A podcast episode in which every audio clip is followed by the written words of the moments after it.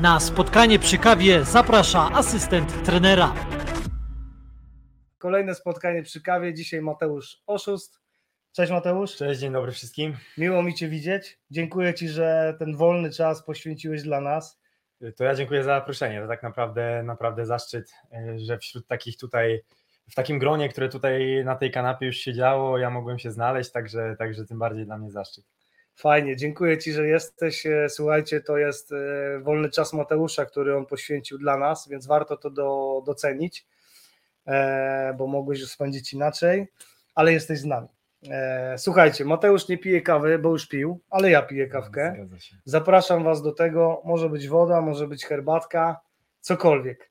Nie wiem, czy wiecie, ten oto młody człowiek e, przygotowywał dla nas już kilka artykułów. Czy pamiętasz, który był pierwszy? Pierwszy był do e, specjalnego wydania, zdaje się, asystenta trenera o długofalowym rozwoju e, młodego piłkarza. Młodego piłkarza tak, tak, tak. To no, przygotowałem sobie. Parę lat temu. Zobaczcie, ładnych parę lat temu Jakiś czas temu wznowiliśmy druk, bo to, ten, to wydanie cieszyło się ogromnym zainteresowaniem. Bo to jest bardzo dobre wydanie, tak szczerze mówiąc. To jest. Dlatego, że ty tam napisałeś? Nie, akurat może nie dlatego, ale pomimo tego, może w ten sposób to ujmę. Tutaj bardzo wielu ekspertów z dziedziny przygotowania motorycznego i nie tylko e, napisało artykuły na potrzeby tego, tego wydania i naprawdę sporo merytoryki, sporo treści i takiej wartościowej treści wydaje mi się na tych stronach udało się zawrzeć. Tutaj oczywiście pod, pod gdzieś tam takim przewodnictwem e, Michała Kwietniewskiego i Michała Naulewicza e, udało się to stworzyć, oczywiście jak najbardziej przy, przy tutaj waszym udziale. I naprawdę, wydaje mi się, że to fajny artykuł i, i te treści też się nie, zdez, nie zdezaktualizowały. Bo, Myślę, bo tak że naprawdę... nie. Wiesz, jaka jest ciekawostka? W ogóle ciekawostka jest taka, że to rzeczywiście wyszło parę lat temu, ale bardzo fajnie widać, jak większość osób, która tu się pojawiła, mhm. poszła w górę. Ludzie pojawili się w ekstraklasie. Masz przykład twój, masz przykład teraz Michała tak, Kwietniewskiego, tak, tak. który też idzie w górę i rzeczywiście jego, jego rola tutaj Michała Naulewicza była bardzo duża, bo oni pomagali zorganizować Dokładnie. E, autorów, tematykę i tak dalej. E, ciekawostka druga jest taka, że zdarzają się trenerzy, którzy po przeczytaniu e, tego wydania mówią, że muszą przeczytać jeszcze raz, bo mhm. trudne.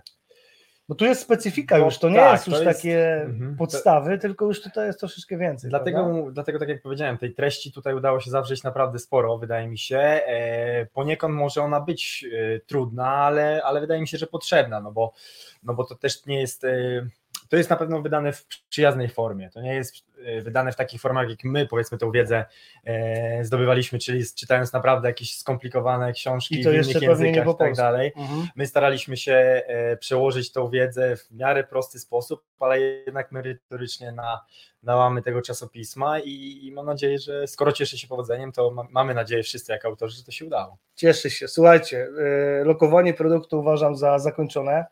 Śmieję się, bo, bo to nie jest do końca lokowanie produktu, jest to element naszej rozmowy, merytoryki. Ja dlatego zacząłem, bo właśnie chciałem się tym pochwalić, że, że gdzieś ludzie, którzy, którzy koło nas e, są, e, witamy, witamy kolejne osoby, witamy doktora. Dzień dobry doktorze. E, mamy pozdrowienia ze Sztokholmu. Jeszcze się to wszystko dobrze nie zaczęło, a już czuć klimat mega dobrej rozmowy. No to musimy stanąć musimy na wysokości zadania. Poziom, tak. E, świeżo już w momencie, w którym zacząłeś pracować w piłce profesjonalnej, w ogóle mi, mega mi się zawsze podobała nazwa waszej firmy. Mhm. Możesz powiedzieć, bo pewnie nie wszyscy wiedzą. E, weźcie nas do ligi. Tak no i wzięli. I, I co teraz? tak Zmieniamy teraz nazwę? się śmieją. I tak samo e, mam często ten, na ten temat rozmowę. Nie zmieniamy, nie zmieniamy, bo do Ligi Mistrzów tam, jeszcze dokładnie, wziąć, jest prawda? jeszcze parę lig, są zawodnicy, z którymi współpracujemy, em, których też fajnie by było, żeby jakby wzięto do ligi. E, także nie, także wydaje mi się, że nie zmieniamy nazwy, może jakiś, jakiś projekt poboczny, ale, ale ta nazwa gdzieś tam chwyciła. Tutaj, e, tutaj dzięki też Mateuszowi Koziołowi, z którym współpracowaliśmy. E, i, i ta nazwa trzyma, trzyma się dalej, trzyma się mocno, jest gdzieś tam chwytliwa poniekąd, o no jest. bo jest nietypowa. Jak ładnych parę lat temu woziłem twoją wizytówkę w samochodzie, miałem tam, wiesz, mhm. tutaj przy, przy lewarku do skrzyni biegów właśnie tak zawsze czytałem, weźcie nas do ligi, no sobie, tak, kurczę, tak. dobre to jest. No to miało, miało swój urok, wydaje mi się, że Było takie oczywiście, bo to był w tym element jakiejś takiej bez, e, młodzieńczej bezczelności, e, gdy my to z Mateuszem e, zaczynaliśmy tworzyć. Zresztą ale- Mateusz w tym wydaniu specjalnym też dokładnie, się pojawia. dokładnie tak, tym dokładnie powiedzieć. Tak, tak, tak. I także wydaje mi się, że na razie nazwa, nazwa jest ok. Spoko. No już jak, do, jak już zacząłeś pracować na tym poziomie profesjonalnym, no to też y, zupełnie niedawno przygotowałeś dla nas bardzo fajny artykuł ten o periodyzacji, e, ale wiemy, że przygotowuje się coś następnego. Tak jest, coś tam, coś tam wymyśliłem, będziemy w zasadzie już, już piszę. E, Mam nadzieję, że dosyć szybko się uda, uda to oddać i jeśli będzie się nadawało, to mam nadzieję, że. No zobaczymy, może się będzie nadawało. Dokładnie, dokładnie. E, No zobaczymy, nie wiem, czy możemy zdradzać temat, czy Zostawmy. zapowiadamy. Nie, Dokładnie, będzie, będzie czas, to o tym powiemy, chociaż dokładnie. to w sumie może nie jest jakaś tam wielka tajemnica, ale może nagle zmienisz, dojdzie ci coś do, To dojdziesz do wniosku, Albo że ktoś mnie wyprzedzi, to też będzie głupio. Wyślę No, szybciej taki sam. wiesz, jak już jesteśmy umówieni, to cię nikt nie wyprzedzi. My jesteśmy bardzo lojalni. Mateusz, powiedz mi, jak, bo to jest takie, myślę, wiele osób interesuje, mm, jak widać, szczególnie przy mnie, jesteś młodym facetem, jak dostać się do pracy w Ekstraklasie? Trudne pytanie. Tak naprawdę nie ma pewnie jakiejś. e, Na swoim przypadku odpowiedzi. może. No tak naprawdę nie wiem, e, jak to, jak to opisać. No na pewno ja postawiłem na tą stronę merytoryczną. Bardzo dużo się uczę, uczyłem. E, Robiłem mnóstwo szkoleń i cały czas starałem się pracować e, na każdym poziomie tak naprawdę i małem się wielu, wielu zajęć i z naprawdę małymi dziećmi, zdobywałem gdzieś tam, robiłem sobie, nazwijmy to renomę, e, później poprzez akademię, poprzez pracę z zespołami seniorskimi, ale na poziomie takim półprofesjonalnym.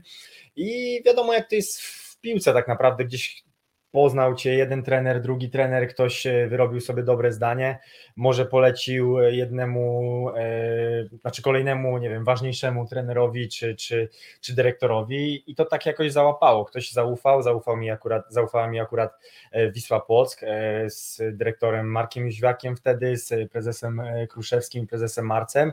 Mm, Rozmowy toczyły się w sumie, to nie każdy wie, dosyć e, w sumie poniekąd długo, bo pierwsze rozmowy były e, znacznie wcześniej niż samo zatrudnienie miało miejsce, ale, ale z różnych przyczyn to nie doszło do skutku. Udało się podpisać umowę i tak już jestem trzeci sezon w Wiśle i, i tak naprawdę pracuję gdzieś tam cały czas na swoje nazwisko, teraz już na, na markę, na klub Wisły Płock, e, czuję się gdzieś tam no jakby du, dużą częścią tego klubu, e, w sensie takim, że, że już jestem długo, już jestem związany i z Płockiem, i z, e, i z Wisłą, i z ludźmi tam pracującymi, także no daję tak naprawdę wszystko, co, co mogę Wiśle. E, i liczę, że to też jakby dalej będzie procentowało tym, że, że tą moją pracę ktoś dostrzeże, czy w klubie, czy, czy, czy gdzieś dalej w przyszłości. Tak to się stało. Okej, y, powiedziałeś, że bardzo dużo na tym etapie, może nie pierwszym, ale tym wcześniejszym, bardzo dużo się rozwijałeś, uczyłeś, czytałeś. Jak to wygląda teraz? Teraz szczerze mówiąc, e, wygląda to podobnie, e, bo, bo jakoś dałem sobie za cel, że skoro mam okazję, mam możliwość, bo to jest taka, taka dosyć nieoczywista możliwość dla trenera, zwłaszcza dla młodego trenera, że może żyć tylko i wyłącznie z piłki. No na tym poziomie profesjonalnym mam taką e, możliwość. Jakby postanowiłem sobie, że tak naprawdę każdą wolną chwilę będę poświęcał dalej na naukę, żeby wykorzystywać ten czas. Bo, bo tak Strasznie mi naprawdę- się podoba ta odpowiedź. Zawsze m, e, muszę ci przerwać w tym Mhm. momencie, ale miałem przyjemność rozmawiać z wieloma, wieloma osobami i rozmawiam też oczywiście, szczególnie teraz przed nami, takie wielkie wyzwanie, bo ruszamy w Polskę. Mhm. Zaraz do tego tematu wrócimy, bo Łukasz Kasprzak e, o tym, o tym wspomniał i zaraz do tego tematu wrócimy. Widziałem. Właśnie za chwilę ruszamy w Polskę i będziemy też rozmawiać z trenerami, którzy nie pracują na najwyższym poziomie. Tak. I wiesz, zauważyłem pewną taką prawidłowość. Oczywiście nie możemy uogólniać i, i, i to też są wyjątki, wiele wyjątków, ale jednak im trener wyżej pracuje, tym bardziej twierdzi, że musi się rozwijać. A do nas bardzo często podchodzą młodzi trenerzy do naszego stoiska i mówią, że no fajne to jest, ale trzeba mieć czas poczytać.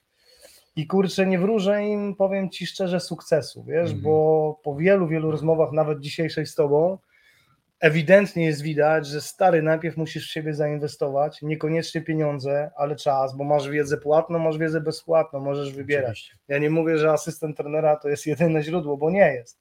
Natomiast jeżeli ty nie zmienisz tutaj podejścia i nie wygospodarujesz sobie tego czasu, to później w danym momencie, jak ta szansa się pojawi, prawdopodobnie wybiorą kogoś innego.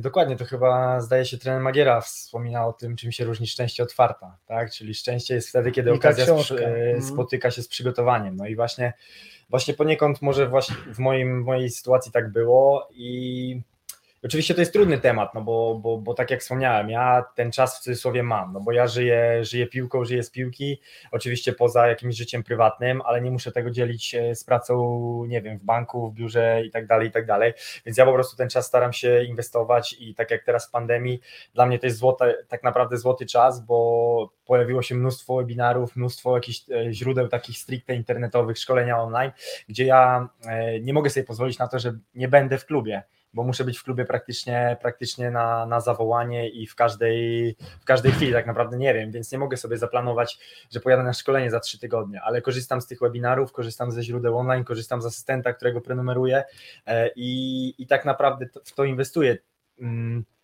Na tą chwilę. Oczywiście trudna jest sytuacja, kiedy, kiedy tak jak wspomniałeś, yy, trenerzy gdzieś tam dzieciaków, młodzieży muszą to łączyć, jeszcze do tego dochodzi życie prywatne, na pewno tego czasu jest mniej, ale A ty też tak zaczynałeś. mimo wszystko, no dokładnie, jakby polecam tą drogę, bo nie można na tym stracić, tak naprawdę nie można na tym stracić, to jest inwestycja w siebie, a wiemy, że najlepszą Najlepsza inwestycją inwestycja. jest inwestycja w siebie. Okej, w- wspomniałem e, Łukasza. e, Pozdrawiamy Łukasza. Tak, pozdrawiamy. Rzeczywiście tak było. Każdy trener mógł poznać Ciebie na konferencjach Grassroots swego czasu. Tak e, tak było.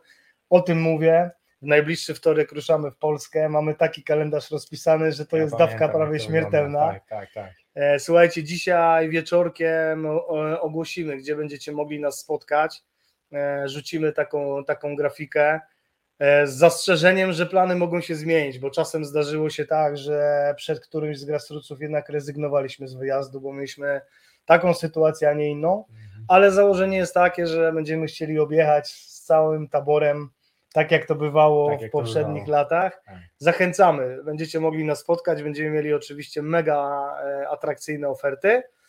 A teraz e, przechodzimy już, e, a wciągamy Was do dyskusji, bo to jest najważniejsze w tym wszystkim. W ogóle mega fajnie, że jesteście z nami. Jedziemy po kolei. Mamy tutaj pytanie od pana Mateusza. Na dzień dobry, na rozgrzewkę. Pewnie słyszałeś to wiele razy, ale mimo wszystko stretching statyczny i dynamiczny. Kiedy i dlaczego? E, To dobre pytanie na rozgrzewkę, bo stretching e, jest głównym takim, głównym, może nie głównym, ale integralną częścią właśnie rozgrzewek. E, I tutaj jest takie odwieczne pytanie: stretching statyczny i dynamiczny. Tak naprawdę ja uważam i, i wiele badań to podpiera, że stretching dynami- dynamiczny mm, jest korzystniejszy, jeśli chodzi o fazę przed wysiłkiem, czyli właśnie w rozgrzewce przed wysiłkiem, zwłaszcza jeśli to będą e, wysiłki dynamiczne o charakterze gdzieś tam eksplozywnym i tak dalej, i tak dalej. Stretching statyczny może nam pomagać mm, poniekąd w regeneracji, może mieć fajne, fajne uzasadnienie w takiej pracy potreningowej, ale też z tym trzeba uważać, bo na przykład po mocnym treningu siłowym, czy po mocnym treningu szybkościowym, już wchodząc tutaj w jakieś szczegóły, ten stretching statyczny może wykonać, wykonać więcej szkód niż korzyści. Trzeba z tym mocno uważać, trzeba to dawkować. Mm, tak naprawdę te mikrouszkodzenia, mówiąc już upraszczając, e, które wywołane są treningiem siłowym, treningiem e, sprinterskim, mogą zostać poniekąd pogłębione przez stretching statyczny, przez dynamiczny również, ale z tym należy uważać. Jednak po takich wysiłkach tlenowych, przy treningu regeneracyjnym, gdzieś tam w bezpiecznych e, odstępach od meczu, na przykład, czyli od takiego maksymalnego wysiłku, e, ten stretching statyczny może mieć korzyści. Zresztą zawodnicy, to jest też ciekawe, bo zawodnicy z takim dużym doświadczeniem, gdzieś tam już, już powiedz, powiedzmy 30 plus, oni są wychowani na treningu statycznym, więc jeśli dokładnie, więc Nóżka, czwóreczka, dokładnie, więc jeśli my skłonik. im odbierzemy tą, tą możliwość, którą oni wykonywali ten stretching statyczny przez, nie wiem, 15 lat kariery, czy 20 nawet lat kariery i my odbierzemy im tą możliwość, no to tak naprawdę my e, zaburzymy im pewien cykl, w którym oni byli szkoleni e, przez, przez wiele lat, więc często trzeba balansować, zwłaszcza w tej pracy. Jedni mają takie nawyki, drudzy takie nawyki na poziomie profesjonalnym. Często też e, daje czas dla siebie zawodnikom, że mamy na przykład tyle i tyle czasu dla siebie, każdy go spędza, pożytkuje jak chce. Jedni właśnie rozciągają statycznie, bo bez tego powiedzmy nie wyjdą, jedni rozciągają dynamicznie. E, Także tutaj wszystko zależy, za- zależy od celu. Ogólnie, bardzo uogólniając, dynamiczny przed treningiem, e, statyczny głównie raczej po. Jasne. Jasne. E, jedziemy dalej. Jest pan Damian z nami. Dosyć długie pytanie, ale jesteśmy jeszcze widoczni. E, nie zakryło nas. E, dzień dobry. Czy zawodnicy mają indywidualne treningi motoryczne w klubie? Nie wiem, może przeczytam wszystko najpierw i zobaczymy, Tak, czy zobaczymy, to trzeba co- podzielić. Jasne. Czy mają indywidualne plus lub w małych grupach treningi piłkarskie, czyli na boisku z piłką, a także pod charakterystykę pozycji na boisku? Jeśli tak, to odnośnie dwóch zapytań. Ile razy w tygodniu? Czy zawodnicy trenują indywidualnie poza klubem? Ilu takich jest? Oczywiście zdaję sobie sprawę, że proces treningowy w takim przypadku powinien być dostosowany do planu działań w klubie. Dziękuję, pozdrawiam. My też pozdrawiamy. My też pozdrawiamy. E, długie pytanie, ale, ale jakby da się, mm, da się na nie odpowiedzieć. W sensie to, to zależy, oczywiście to, To zależy. Zależy od, Psycholog nam się trafi. przede wszystkim od trenera, to jest e, pierwsza sprawa, czy, czy trener, czy klub e, pozwala na taką dodatkową pracę, czy, czy jest to w jego wizji, bo tak naprawdę trener przygotowania fizycznego jest e, poniekąd podwładnym pierwszego trenera i Jasna to jego sprawa. polecenia są poleceniami nadrzędnymi, więc nie, niezależnie jak bardzo chciałbym pracować powiedzmy z danym zawodnikiem, indywidualnie czy jak ten zawodnik by chciał, to jeśli decyzja trenera jest taka, że nie trenujemy, to po prostu nie trenujemy. Tak to, tak to wygląda na tym, e, na tym poziomie. Druga sprawa jest taka, mm, że takie treningi jak najbardziej się odbywają, odbywały i odbywają. E, Częściej, za- rzadziej zależy od mikrocyklu, zależy też od tego, jak zawodnik dużo gra. Bo, bo bardzo często jest tak, że ci zawodnicy, którzy grają, którzy tych minut mają dużo w meczu, w meczach ligowych, pucharowych, to tak naprawdę nie mają ani czasu, ani wskazań tak naprawdę do takiego treningu, no bo to obciążenie jest e, na tyle wysokie, e, że, że już do dodatkowej objętości jednostek treningowych Jest nie warto dokładać. tak. Mhm. Zupełnie inaczej ma się sytuacja z tymi zawodnikami, którzy grają mniej. Oni wręcz y, potrzebują i często sami proszą o to, żeby dodatkową pracę wykonać, czy to w siłowni, czy to, czy to na boisku. Ja sam, e, ja sam prowadziłem e, sporo takich jednostek właśnie pozycyjnych, o które tutaj e, pada pytanie, czyli, czyli na przykład mniej grał, nie wiem, defensywny pomocnik, przygotowywałem za- zajęcia stricte pod niego, e, zbierałem grupę defensywnych pomocników, czy obojętnie obrońców i tak dalej, i tak dalej. W tym nie ukrywam, bardzo mi pomagała publikacja PZPN-u, trening pozycyjny, nie ukrywam, Mhm. że czerpałem z tych, e, z tych Narodowy model gry, trening Narodowy pozytywny. model gry, Mhm. dokładnie. Nie ukrywam, że czerpałem z tej publikacji bardzo wiele i, i takie treningi, takie treningi rzeczywiście się odbywały. Jeśli chodzi o ile razy w tygodniu, trudno powiedzieć, bo to naprawdę to zależy od wielu rzeczy, od tego jak mamy zaplanowany mikrocykl, czy mamy trening dwufazowy w e, mikrocyklu, czy jest na to miejsce, czy te mecze są gęsto, czy, czy nie, ale ja osobiście uważam, że praca indywidualna u zawodnika jest, e, zwłaszcza na poziomie profesjonalnym, a nawet i tym bardziej w sumie niżej e, jest wskazana, jest konieczna. Bo, bo, bo nie wszystko da się zrobić w treningu zespołowym. E, Trenerom też zależy na taktyce w bardzo dużej mierze i te zajęcia taktyczne dominują. W zajęciach taktycznych często brakuje, element, brakuje tego czasu na poświęcenie się na przykład na technice, na indywidualne zachowania. Bardziej jest to taktyka grupowa, zespołowa. E, Ten czas indywidualny jest potrzebny dla zawodnika. Oni też się czują wtedy lepiej przygotowani. Uważam, że uważam, że tędy droga i przy dobrej pracy i organizacji właśnie pracy, przy dobrej pracy sztabu da się to fajnie połapać. A propos sztabu, nieprzypadkowo siedzisz tutaj na tak, tle tutaj pewnej, pewnej koszulki. Musimy, musimy pozdrowić, bo dzisiaj rano był telefon, bardzo ważny telefon.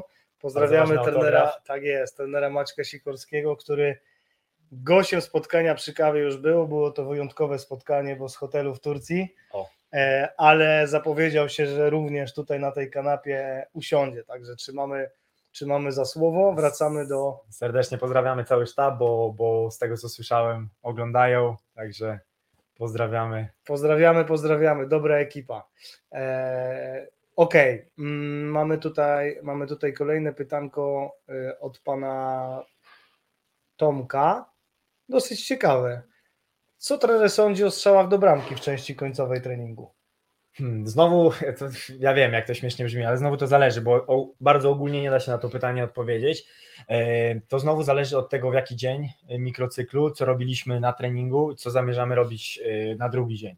Bo jeśli mamy jednostkę, ja uważam, że strzały do bramki e, to jest taka, taka dosyć, może niepopularna teoria, ale ja uważam, że strzały do bramki są poniekąd treningiem siły.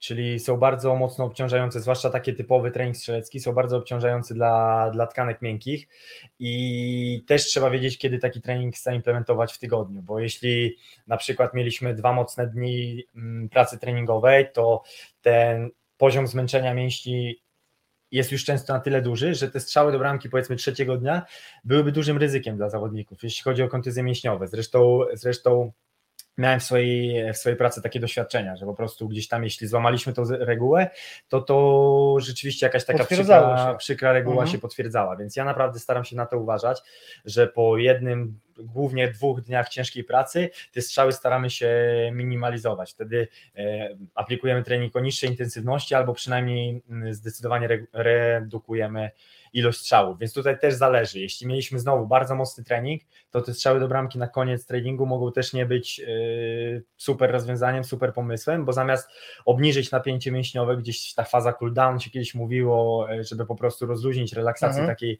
takiej na koniec, to tutaj będziemy mieli efekt zupełnie, zupełnie odwrotny, więc wszystko znowu zależy kiedy, bo jeśli chodzi o początek mikrocyklu, nie powinno być e, z tym głównie problemu, tak myślę uogólniając, ale w końcowych fazach mikrocyklu, gdzie to zmęczenie już jest e, dosyć duże, zakumulowane, a mecz nam się zbliża, bo tak to jest na koniec mikrocyklu każdego treningowego, to radziłbym z tym uważać albo przynajmniej robić to bardzo ostrożnie.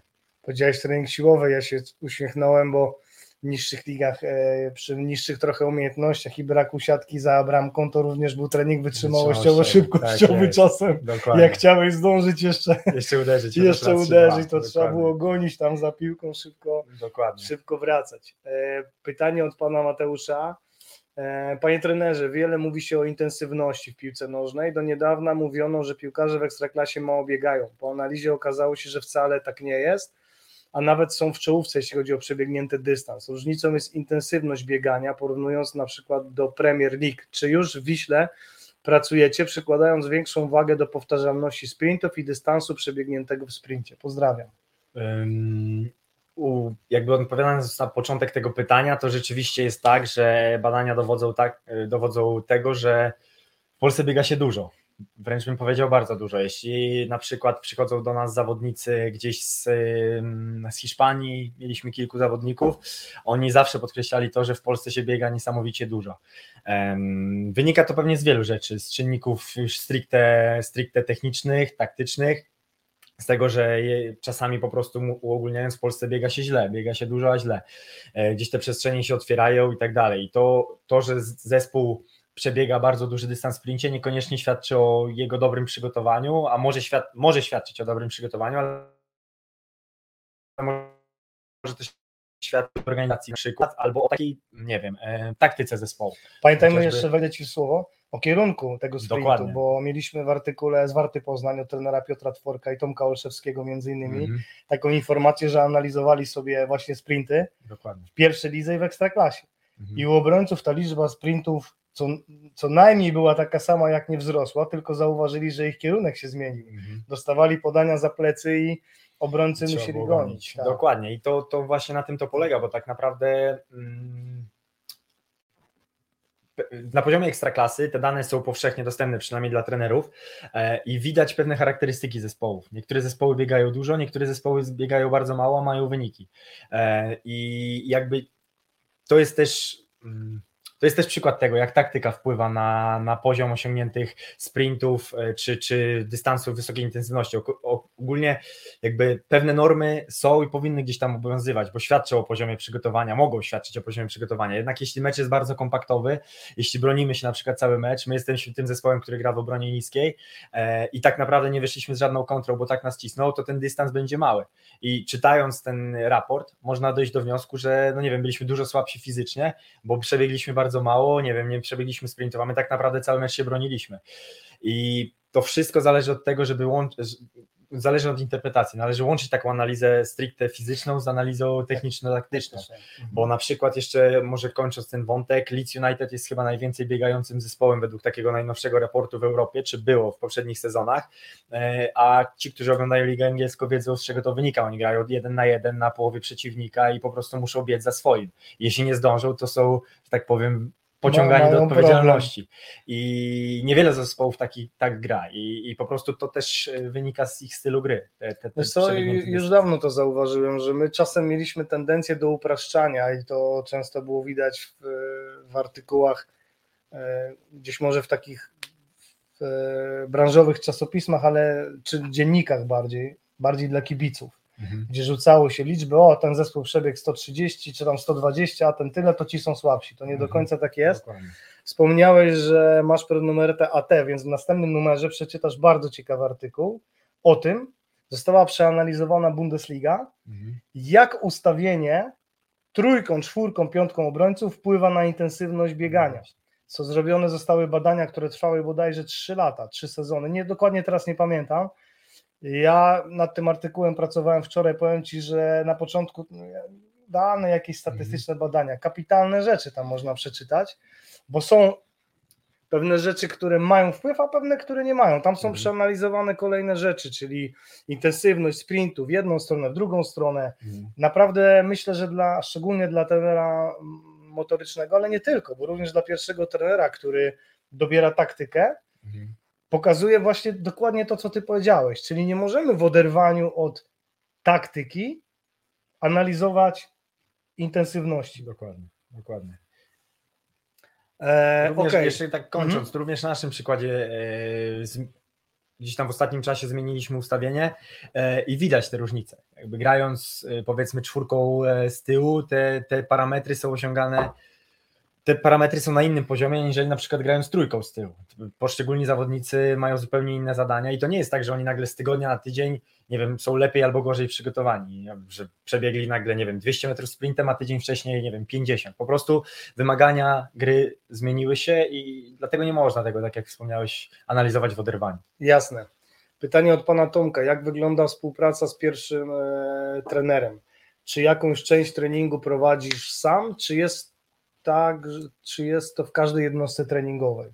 E, czy Nie do Czy końca jest to w rozumiem. każdej jednostce treningowej? Ja też właśnie końcówki nie zrozumiałem. Myślałem, że wiem, czego się spodziewam, ale, ale chyba się domyślam, o co chodzi. E, Miałem okazję pracować e, już z kilkoma trenerami gdzieś tam w Łocku i na pewno, na pewno u każdego wygląda to troszeczkę inaczej, no bo, bo każdy trener ma, ma inną filozofię, jednak koniec końców mm, najczęściej jest tak, że część motoryczna treningu jest prowadzona głównie przeze mnie, oczywiście po akceptacji, czy w akceptacji, czy przy towarzystwie e, pierwszego trenera, jednak jakby za tą część, taką wstawkę motoryczną, czy to, nie wiem, stricte siłową, czy, czy rozgrzewkę treningową, czy jakiekolwiek inne akcenty, to jednak prowadzę, prowadzę najczęściej ja, czy asystenci odpowiedzialni za swoje poszczególne części. Oczywiście, jeśli trener tak jak mówię, no przede wszystkim przed każdym treningiem jest ustalane, mm, za co odpowiadamy w danym treningu, co kto prowadzi. E, No i trener cały czas czuwa nad tymi częściami. Jeśli potrzebuje wejść w trakcie tej części, nie ma z tym oczywiście problemu i, i po prostu, tak jak wspomniałem wcześniej, trener to szef i jeśli chce zainter, zainterweniować w trakcie danej części, to, to jakby jest to. Mm, tak się dzieje. ten Naturalne sposób, Naturalne, jest to Mhm. naturalne i tak się dzieje.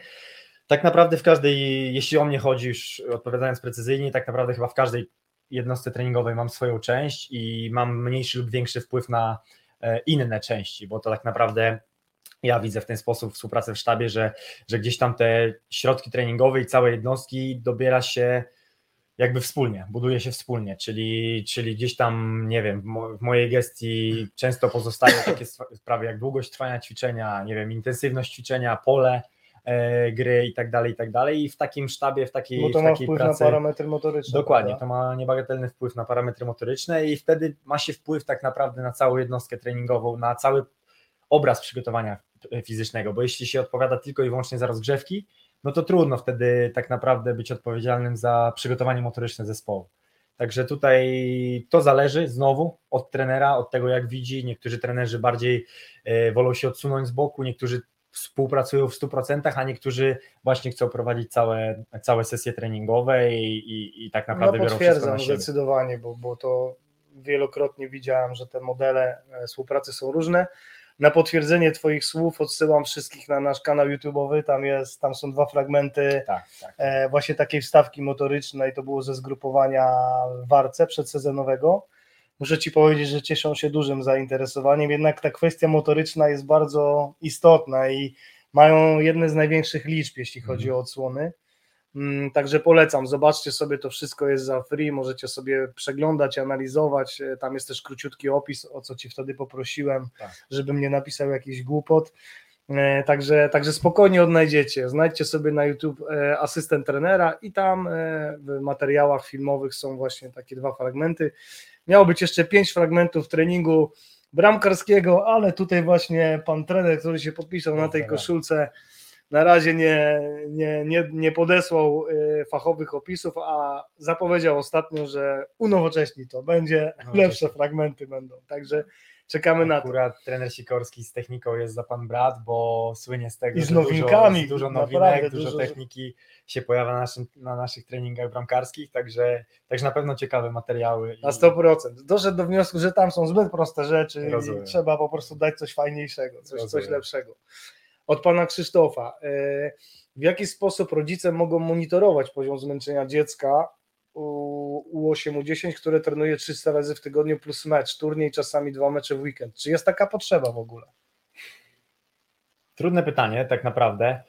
Yy, oczywiście ja bym to wszystko upraszczał w pewien sposób, bo takie dziecko u 10, u, u 8, te treningi 3-4 razy w tygodniu to nie wydaje mi się być yy, dawka, nie wiem, nazwijmy to w cudzysłowie oczywiście gdzieś tam zabójcza, czyli dla dzieciaka. No jeśli, jeśli 3-4 razy w tygodniu, mm, po godzinie, po półtorej godzinie, yy, tak jak mówię, no nie wydaje mi się to być dużo, więc ta, ten monitoring może nie powinien być aż zbyt profesjonalny. Ja bym to upraszczał, bardziej rozmawiał z tym dzieckiem, może na tej zasadzie, e, starał się wybadać, wypytać, czy ono czuje się zmęczone, przemęczone, czy w ogóle chce chodzić na te treningi i na te mecze, czy sprawia mu to przyjemność, bo jeśli będziemy widzieli, że dziecko jest apatyczne, już gdzieś tam nie będzie czerpało z tego przyjemności, to być może jest to sygnał do tego, żeby albo odjąć jakąś jednostkę treningową, albo, albo inne zajęcia pozalekcyjne kosztem, y, na korzyść właśnie chociażby piłki nożnej. Także na tak młodym, y, na tak młodym etapie, na tak wczesnym etapie chyba bym nie wchodził w jakąś szczególną analizę, nie wiem, GPS. Oczywiście to jest dostępne, jakby też trzeba mieć świadomość, że te firmy dostarczające monitoring, jak, y, no już nieważne jak, bo nie będziemy Mhm. tu reklamować, ale oferują systemy, które są mm, zindywidualizowane, czyli nie trzeba mieć całej skrzynki, tak jak ja i 20 GPS-ów, czy tam 20 paru GPS-ów, można kupić jeden nadajnik, wsadzić dziecku do, e, do takiej specjalnej kamizelki na własnym telefonie odczytywać parametry, tylko też trzeba w tym wszystkim zachować pytanie, czy jest i... sens, prawda? Dokładnie, dokładnie. Przypomnijmy sobie, ja wiem, że wiele rzeczy się zmieniło, ale no jednak biegaliśmy na tych podwórkach po kilka godzin dziennie Tak. i ta intensywność była kompletnie inna Dokładnie. i jeszcze czasem na siłę nas ściągano z tych boisk, więc czy tych kilka, trzy, dwie, cztery jednostki treningowe, które trwają pewnie około godziny w tym wieku, Tak jest. to chyba nie, jakby nie, nie, nie jest jakiś większy problem. Tak, no nie chcę tutaj jakby kategoryzować, ale też mi się wydaje właśnie w ten sposób, że, że kiedyś się jednak e, na tym podwórku spędzało tyle czasu, że teraz dzieciakom wręcz tego ruchu brakuje.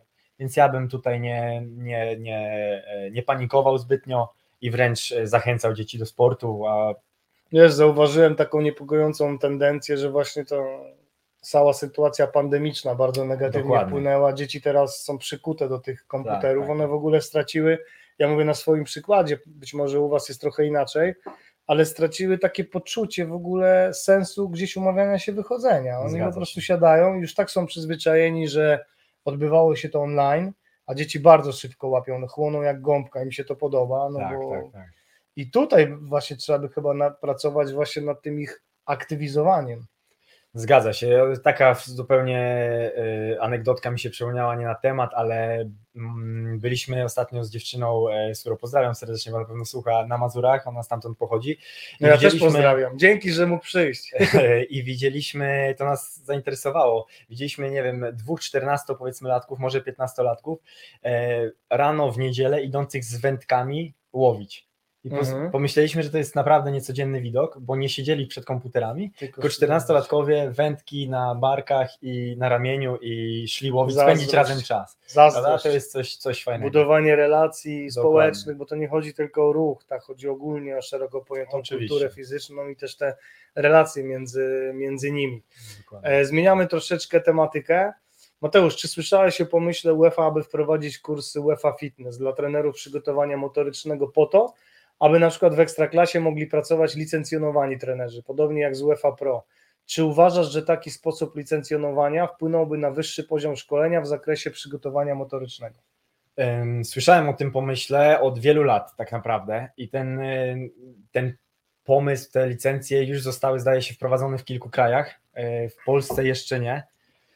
Nie wiem na jakim etapie są prace, tak naprawdę jest to duży i trudny projekt, żeby coś takiego zbudować, bo, bo trzeba na pewno autorytetów, e, trzeba na pewno kogoś, kto poświęci dużo czasu na to, żeby taki kurs przygotować na tyle, żeby on spełniał wymagania UEFA-owskie, to nie, są, to nie są proste rzeczy. Trzeba też oczywiście, co jakby już tutaj rozmawiamy w cudzysłowie w swoim gronie, trzeba też zgody środowiska na to, żeby, żeby takie kursy mogły być wprowadzone i ta certyfikacja uznana, więc to jest trudny temat, ale rzeczywiście rozmowy na pewno trwają, bo, bo dochodzą do mnie takie słuchy, na jakim e, etapie ten projekt jest, nie wiem.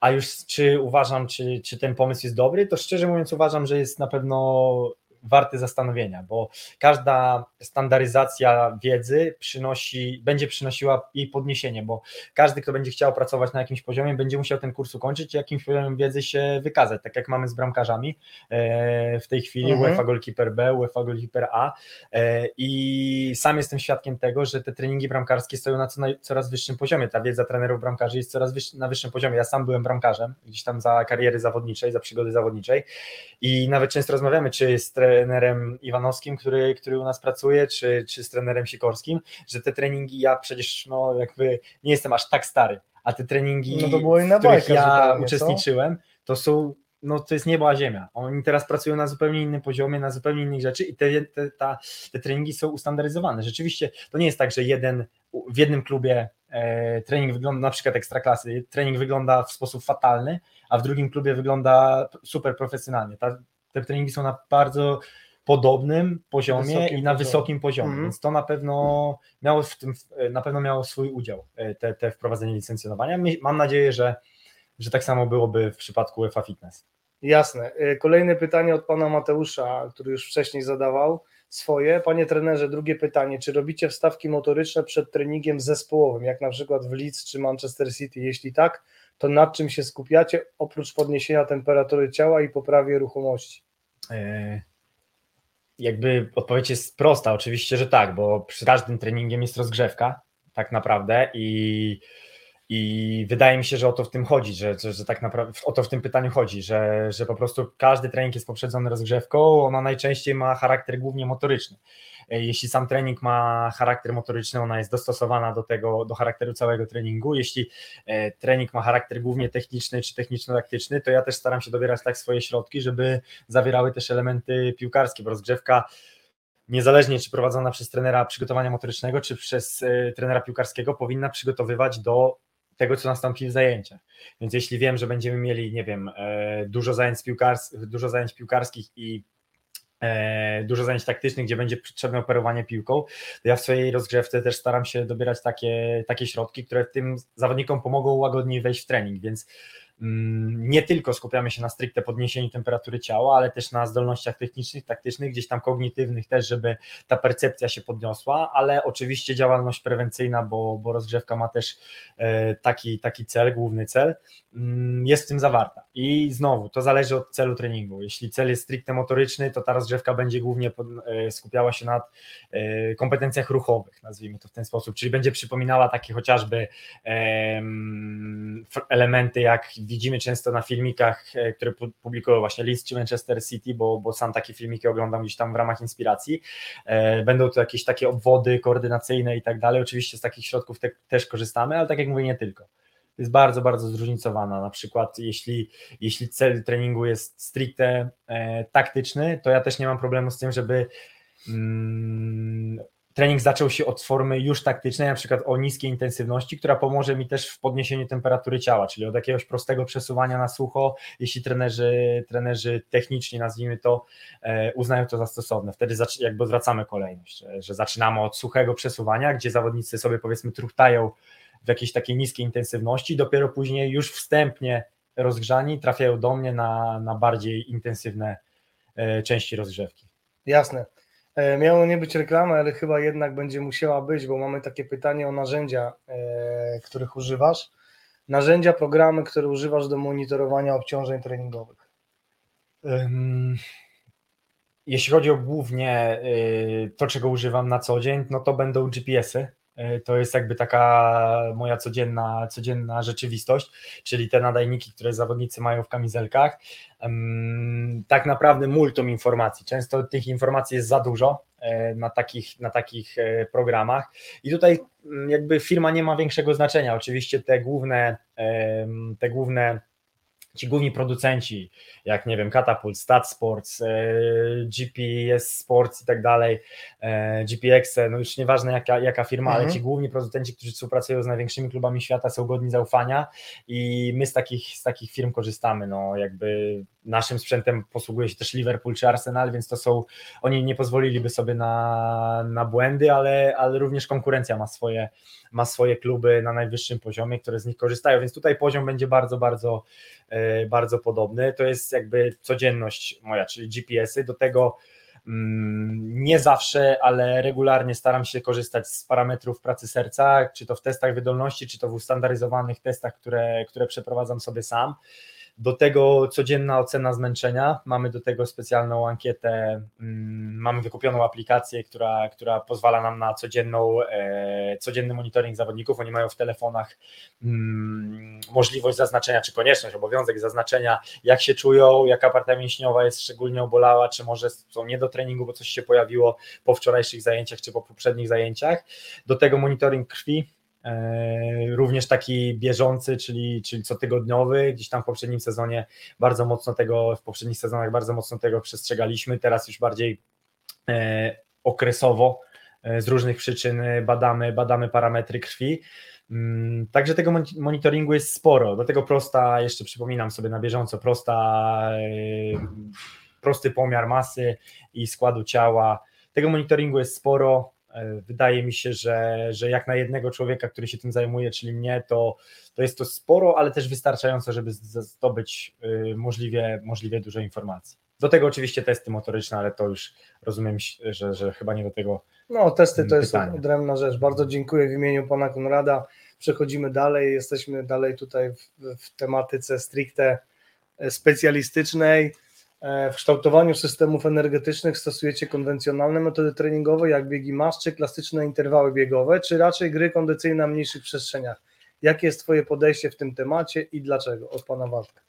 Mm, Stosujemy i to, i to, bo tak naprawdę znowu e, trzeba znaleźć złoty środek w tym wszystkim. Wodę I-? Mam, mam, dziękuję.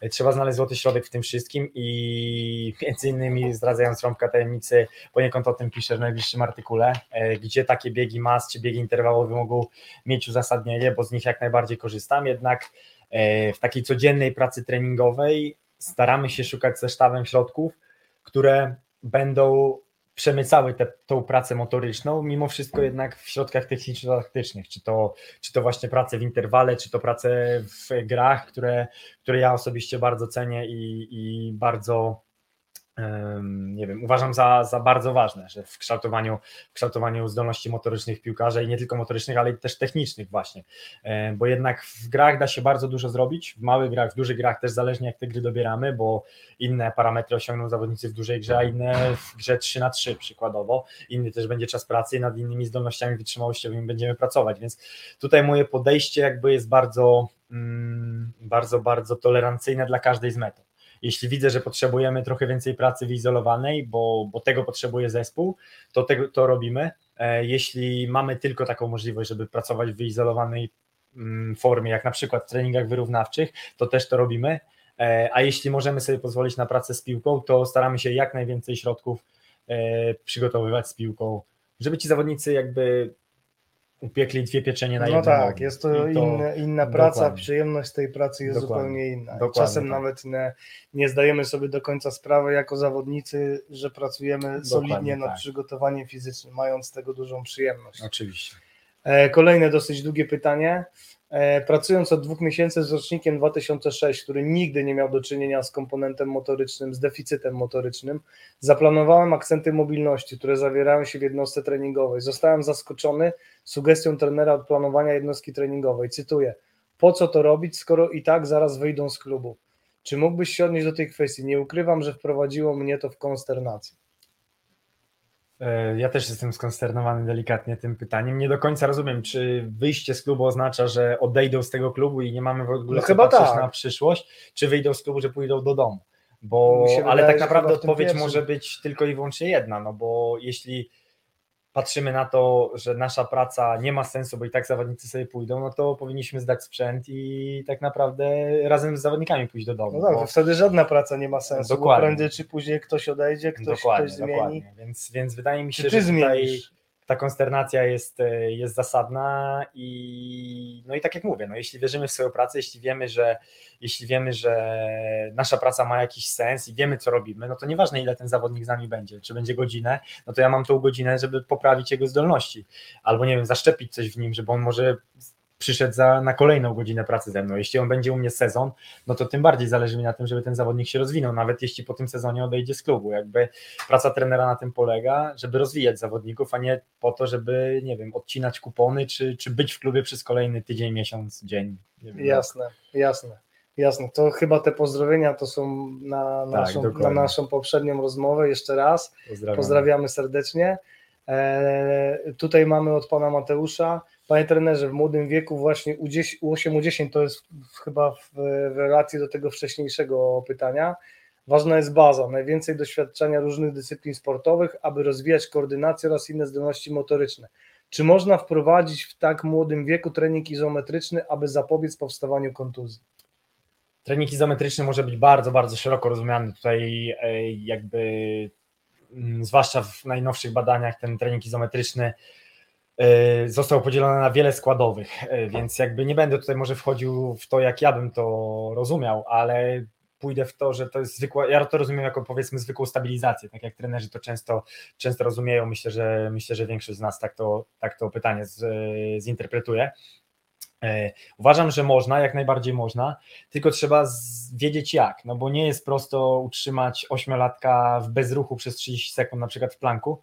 E, Jego w ogóle nie jest łatwo utrzymać w bezruchu, a co Tak. dopiero w takim w cudzysłowie nudnym Ale jeszcze ćwiczeniu. wiesz, wyjaśnieniu mu tego ćwiczenia, No dokładnie. nie wiem, z- zmuszeniu go w pewien sposób, żeby on to Dokładnie. wykonał, bo to tam gdzieś widziałem kiedyś, e, to pewnie też było w którymś z artykułów u nas, e, te sposoby typu właśnie dobieranie do tego jakiejś historii. Tak? Tak, tak. I właśnie w tym jakby cały warsztat trenera, zwłaszcza dlatego są potrzebni, uważam, trenerzy, którzy odnajdują się w pracy z młodzieżą, no bo, bo właśnie gdzieś tam zainspirowanie tych dzieciaków, e, wymyślenie jakiejś ciekawej historii do tego, żeby oni na przykład budowali mosty z Mhm. siebie, a niekoniecznie robili planka przodem, e, to jest e, coś, co trener no, oczywiście może wypracować, ale, Ale to, to też trzeba mieć taką smykałkę. musisz to mieć, po dokładnie. prostu mieć z tego przyjemność, chcieć to zrobić. e, Tak, tak, Niektórym pewnie by się nie chciało, teraz będę stał i wymyślał. e, Dokładnie. historię. E, Jeśli chodzi o samą, samą bazę z innych dyscyplin sportowych, to wszystkie badania naukowe potwierdzają to, że e, nie ma korzyści, nie ma przynajmniej takiej na-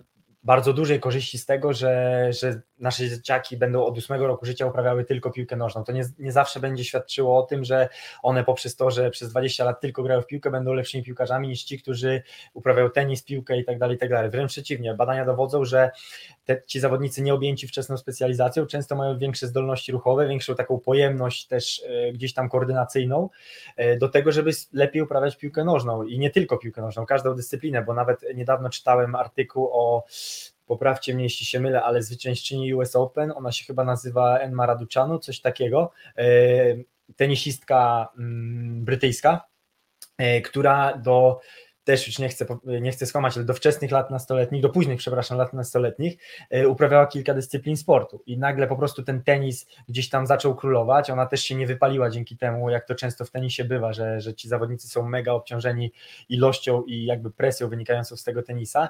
I ona jakby korzystając z tych innych dyscyplin obecnie świętuje mega sukcesy, bo wygrywa najlepsze, największe szlemy i, i turnieje wielkoszlemowe. Mhm. I jest żywym dowodem na to, że, że, że można osiągać sukcesy grając, y, uprawiając wiele dyscyplin. Tutaj w tym temacie zdecydowanie polecam webinaria Łukasza Panfila, który bardzo dużo poświęcił czasu właśnie na wczesną czy późną specjalizację i dla osób, które chciałyby tak wiedzę poszerzyć, to zdecydowanie odsyłam właśnie, właśnie do Łukasza, bo kapitalna wiedza poparta badaniami, e, więc, więc warto. E, przechodzimy do kolejnego pytania. Od, e, no tutaj powiem od Tomka, bo wiem, znamy się, więc nie będę panował. Zresztą z wieloma osobami też się znamy. Czasem mam problem, nie wiem, czy mówić pan, czy mówić po imieniu. Gubię się. Raz tak, mówię tak. tak, raz tak. Wybaczcie, jeżeli ktoś poczuje się urażony, przepraszam. Czy preferujesz pracę nad zdolnościami motorycznymi, łącząc je z elementami techniczno-taktycznymi? Nie wiem, czy o tym już nie mówiłeś dzisiaj.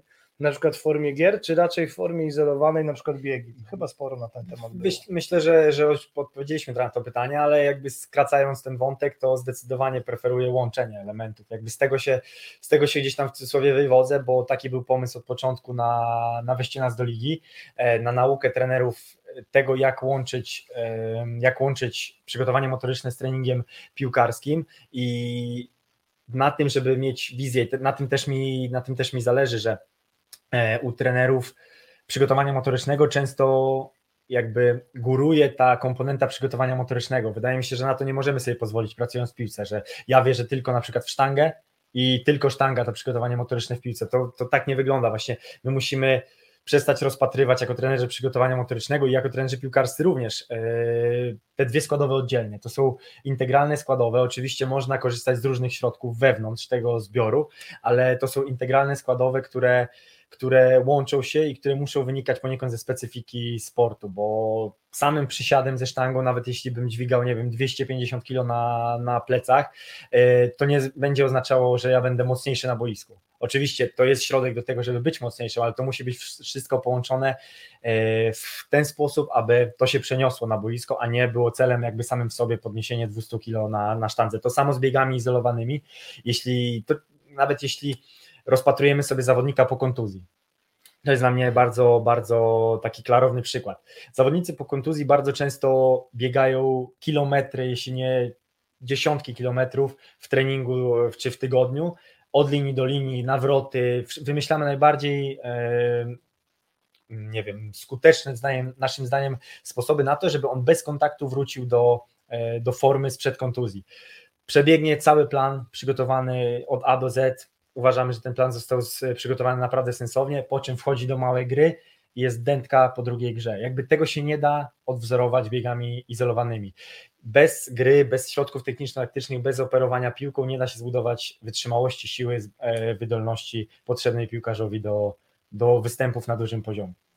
Powiem Ci, że zdarzyły mi się takie rozmowy z pierwszymi trenerami, którzy właśnie mieli problem z trenerem przygotowania fizycznego, który święcie wierzył w jakiś swój jeden element. Mhm. Często tym elementem były GPS-y, bo one się mhm. jakiś czas temu pojawiły tak. i wielu trenerów całkowicie zmieniało swój sposób pracy i jakby ślepo wierzyło w tabelki, a sami dobrze wiemy, pewnie większość, jak nie wszyscy z nami dzisiaj będący, jak wiele parametrów jest, jak tak, możesz się w tym tak. zakopać Oczywiście. i nie wyjść po prostu, możesz po prostu zwariować i zdarzały się osoby, które przestały wierzyć w swoją wiedzę. To trochę przypomina, wiesz co, taką sytuację trenerów, którzy ileś lat pracują. Mam tutaj na myśli trenerów nie przygotowania motorycznego, no, tylko tak, powiedzmy rozumiem. tych piłkarskich, którzy mają określoną swoją drogę wypracowaną, nagle wyjeżdżają w jakieś miejsce, mhm. widzą coś i nie, wszystko zmieniamy od nowa, zmieniamy. Tylko, że wiesz, za rok znowu wyjadą w jeszcze inne miejsce. I tam będzie znowu inaczej. I no. będzie inaczej, więc wiesz, y, sygnalizowane było to często, że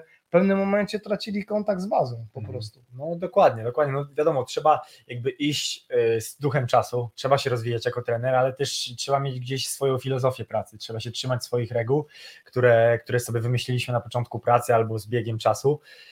No i tak jak mówię, no oczywiście nie można zastygnąć no, ewoluujesz, prawda, bo się rozwijasz. Ale też trzeba do tego wszystkiego podchodzić z głową. To, to też chłopaki gdzieś tam zawodnicy często czują. No, no jakby GPS nie może ci e, nie może decydować, czy ty grałeś dobry mecz, czy nie.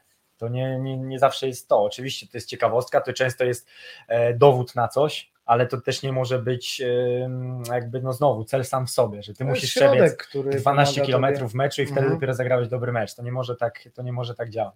Ale tak jak wspomniałem wcześniej, to bardzo pomaga, jeśli chodzi o profi- w mojej pracy. Prewencja, profilaktyka urazów, e, trzymanie się obciążeń, pewne progresja bądź regresja obciążeń. E, technologia w tym pomaga i trzeba wiedzieć, jak się ją posługiwać. E, słuchajcie, zbliżamy się do końca. Ja sobie pozwolę jeszcze zareklamować te dwa artykuły Mateusza. W zasadzie to jest jeden artykuł, ale rozbity na dwie części.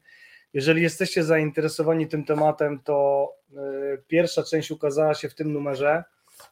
Zobaczcie, to, to było tutaj światło nam troszeczkę pada. Periodyzacja akcentów motorycznych mikrocyklu treningowy na poziomie profesjonalnym. Drugi, druga część w kolejnym wydaniu. Ten Rojżyński na okładce, trener Skowronek, ten Rojżyński, ojej. E, polecam, jeżeli chcielibyście, bardzo fajna wiedza. Wpadło nam jeszcze ostatnie pytanie na koniec, umówmy się, że to będzie już ostatnie, od pana Radka. E, jakie programy, y, a to też to jest bardzo ciekawe, jakie programy i aplikacje do monitorowania obciążeń treningowych polecałbyś w klubach półprofesjonalnych i półamatorskich, grających na niższych szczeblach rozgrywkowych? Hmm. W sumie trudne pytanie, bo, bo trzeba by te wszystkie aplikacje sprawdzić. Ja też nie mogę się wypowiadać za, za coś, na czym nie pracowałem. Są różne opinie. Wydaje mi się, że najlepiej, e, szczerze mówiąc, gdzieś tam mm, może napisać do mnie później, czy tutaj w komentarzu. Ja postaram się do, po, odpowiedzieć na pytania, z jakimi aplikacjami pracowałem i na ten temat mogę się wtedy wypowiedzieć, bo nie chciałbym mówić e, o czymś, zwłaszcza źle, że coś nie działa tutaj na łamach. E, mogę, się, mogę się wypowiedzieć nad tym, nad czym pracuję. Na pewno są aplikacje i są, mm, nie wiem, zdobycze technologii, tak to nazwijmy, które, które są w niezłej cenie i które umożliwiają e, fajny monitoring, zupełnie wystarczający, niekoniecznie trzeba, e, trzeba kupować cały zestaw za, za naprawdę kilkadziesiąt, kilkaset tysięcy, bo te zestawy w takie, w takie kwoty idą, te takie w 100% profesjonalne. Są też tańsze rozwiązania, wydaje mi się, że ciekawe, ale wydaje mi się, że to też jest długi temat i jeśli pan Radek się, się do mnie odezwie, nie ma z tym problemu i porozmawiamy E, na temat opcji na tej zasadzie. Jasne. E, słuchajcie, dzisiaj minimalnie krótsze spotkanie. E, jeszcze byśmy zazwyczaj by potrwało, a czasem jest tak, że trudno wyjść. Więc, więc dziękujemy Wam, że byliście z nami. Przede wszystkim po raz kolejny dzięki Tobie, Mateusz. Ja dziękuję za zaproszenie. W ramach podziękowania, w ramach podziękowania, kubeczek, słuchajcie, musi być. Mam nie nadzieję, że się, się przyda. Dziękuję bardzo. E, to jest stały element. Dzięki Wielkie serdeczne. dzięki. Kochani, jeżeli będziecie mieli e, jakieś pytania do, e, do Mateusza, no to czy znajdziecie go bezpośrednio, czy możecie zostawić na naszej, o może ja na tutaj wyświetlę, na naszej skrzynce pocztowej, to będzie łatwiej przekazać po prostu, bo bo wrzucić tutaj w komentarzu, jeżeli ktoś wrzuci za 2-3 dni, to, to gdzieś tam już może to nam umknąć. Trzy pytanie przez Was, czy też e, ja zachęcam, jeśli mogę na koniec, do, do śledzenia moich e, fanpage'ów, czyli, jasne, tak. czyli czy weźcie nas do ligi na Facebooku i na Instagramie, tam głównie jestem e, często i, i postaram się na wszystkie, na wszystkie odpowiadać, na wszystkie pytania odpowiadać. Myślę, że nie będzie ich aż, aż tak dużo, żeby mnie to przygniotło więc postaram się. Postaram się sobie na raty. Dokładnie. Na, na fanpage na Facebooku jest też mail, więc wydaje mi się, że. Super, że to można... chyba najlepsza droga. Wiecie, to jest najlepsza droga. Żyjemy w czasach, w których nie jest problemem zlokalizowanie kogoś. Dokładnie. Wiecie, gdzie szukać, weźcie nas do ligi, rozmawialiśmy o tym już dzisiaj. To zdecydowanie jest najlepsze rozwiązanie, nie przez kontakt, tylko bezpośrednio do Mateusza. Eee, również Wam dziękujemy, że, że, byliście, że byliście z nami. No i cóż, e, widzimy się na kolejnym spotkaniu przy kawie. Jeszcze nie wiem, kiedy ono będzie, bo teraz mówię Tour de Pologne. Teraz kawy będzie dużo potrzebne, ale teraz, niekoniecznie tutaj. Tak, prawda? niekoniecznie tutaj. Kibicujemy mocno nie tylko Tobie, ale całemu sztabowi, bo nie da się ukryć. E, to jest bardzo fajna ekipa. Miałem przyjemność wielokrotnie rozmawiać, ale również przygotowywać artykuły czy materiały. No i czekamy na, na Twój kolejny, kolejny materiał. Dziękuję jeszcze raz. Wielkie dzięki, trzymajcie się, Dziękuję życzymy wszystkim. Wam sukcesów. Pozdrawiamy serdecznie. Jesteśmy w kontakcie.